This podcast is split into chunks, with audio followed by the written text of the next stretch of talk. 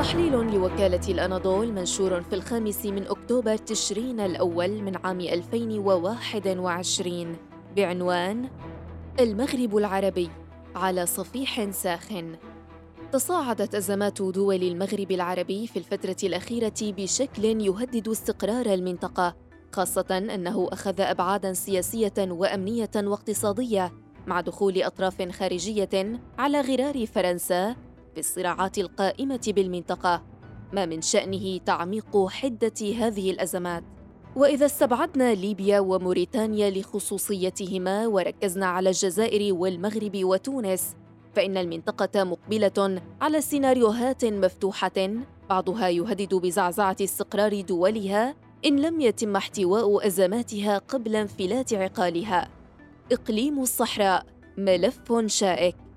أزمة إقليم الصحراء تعتبر من أهم الملفات الشائكة بين المغرب من جهة وجبهة البوليساريو والجزائر التي تستضيف لاجئين من الإقليم من جهة أخرى.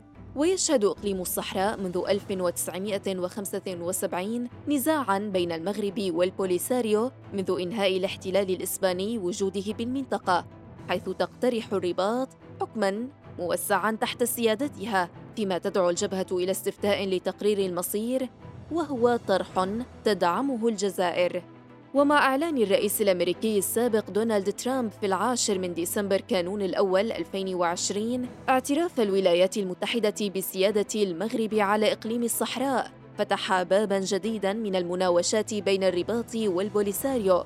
وإن كانت هذه المناوشات تبدو محدودة ولم تصل إلى مرحلة الحرب الشاملة إلا أن استمرارها يهدد باستقرار المنطقة. ملف إقليم الصحراء تسبب أيضا في تعقيد الأزمة بين الجزائر والمغرب بشكل غير مسبوق مع تصريحات متبادلة حين طرح وزير الخارجية الجزائري رمضان العمامرة الملف خلال اجتماع دول عدم الانحياز الافتراضي بأذربيجان في الثالث عشر والرابع عشر من يوليو تموز الماضي ليرد مندوب المغرب لدى الأمم المتحدة عمر هلال بالدعوة إلى استقلال شعب القبائل بالجزائر. بعد تداعيات ذلك. شرعت الجزائر في سلسلة إجراءات ضد الرباط بدءا من استدعاء السفير وقطع العلاقات الدبلوماسية وعدم تجديد عقد نقل الغاز الجزائري إلى إسبانيا عبر أنبوب يمر بالأراضي المغربية ثم غلق الأجواء الجزائرية أمام الطيران المغربي. إسبانيا والمغرب مد وجزر. وغير بعيد عن شمال إفريقيا تبقى العلاقات بين إسبانيا والمغرب تعرف حالة من المد والجزر. فالعلاقة بين البلدين شهدت أزمة على خلفية استضافة مدريد بين الواحد والعشرين من أبريل ومطلع يونيو حزيران الماضي. رئيس جبهة البوليساريو إبراهيم غالي بهوية مزيفة بدعوى تلقي العلاج من كورونا وهو ما أغضب الرباط التي تتهمه بارتكاب جرائم حرب. وزاد من تعميق الأزمة تدفق نحو ثمانية آلاف مهاجر غير نظامي منتصف مايو أيار الماضي. بينهم قاصرون من المغرب إلى سبتة وهو ما اعتبره مسؤولون إسبان وأوروبيون محاولة من الرباط للضغط على مدريد بعد استقبالها غالي. وفي العشرين من أغسطس آب الماضي قال العاهل المغربي الملك محمد السادس في خطاب متلفز إن بلاده تتطلع لتدشين مرحلة جديدة وغير مسبوقة في العلاقات مع إسبانيا. وأضاف صحيح أن هذه العلاقات مرت في الفترة الأخيرة بأزمة غير مسبوقة هزت بشكل قوي الثقة المتبادلة وطرحت تساؤلات كثيرة حول مصيرها غير أننا اشتغلنا مع الطرف الإسباني بكامل الهدوء والوضوح والمسؤولية.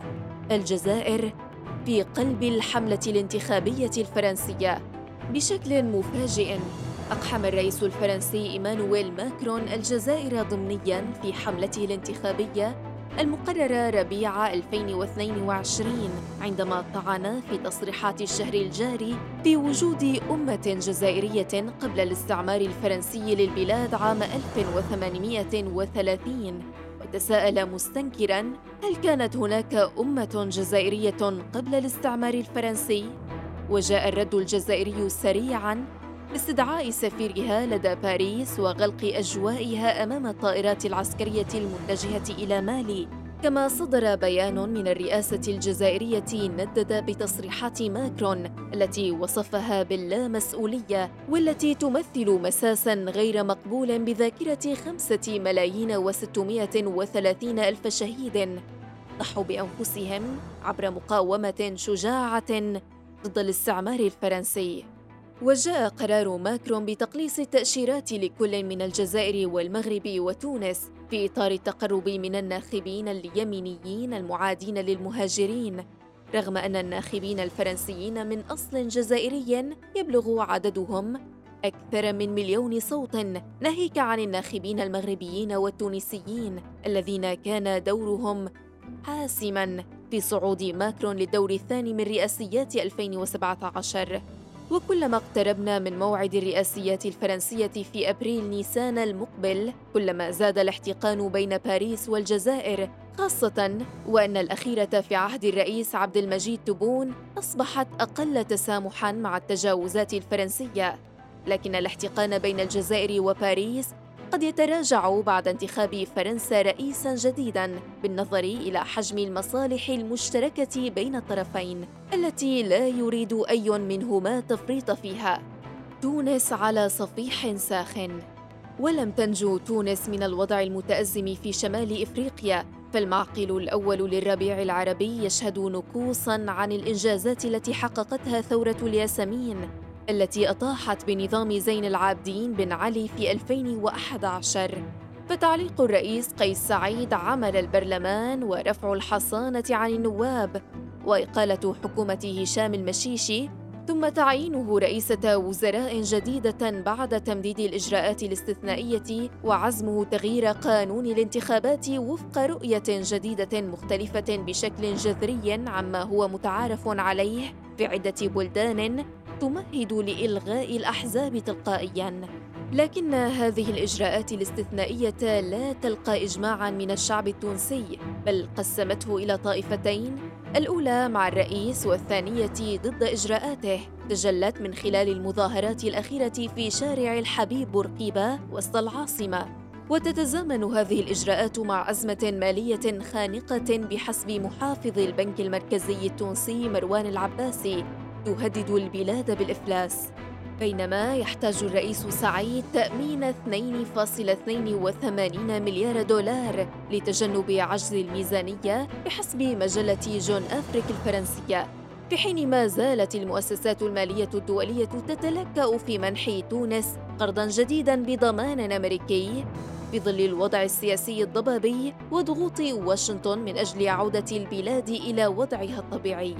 وفي ظل اجتماع أزمة سياسية حادة مع أخرى اقتصادية خانقة تتجه تونس لتصبح لبنان المغرب العربي خاصة مع تداعيات جائحة كورونا صحيا واقتصاديا واجتماعيا. هذا الغليان السياسي في كل من الجزائر والمغرب وتونس. إما أن يتم احتواؤه بشكل ثنائي أو داخلي وتجنب التصعيد والبحث عن خيارات للتهدئة والحلول العقلانية أو أن المنطقة قد تنزلق إلى متاهات أكثر تعقيداً مما هي عليه الآن.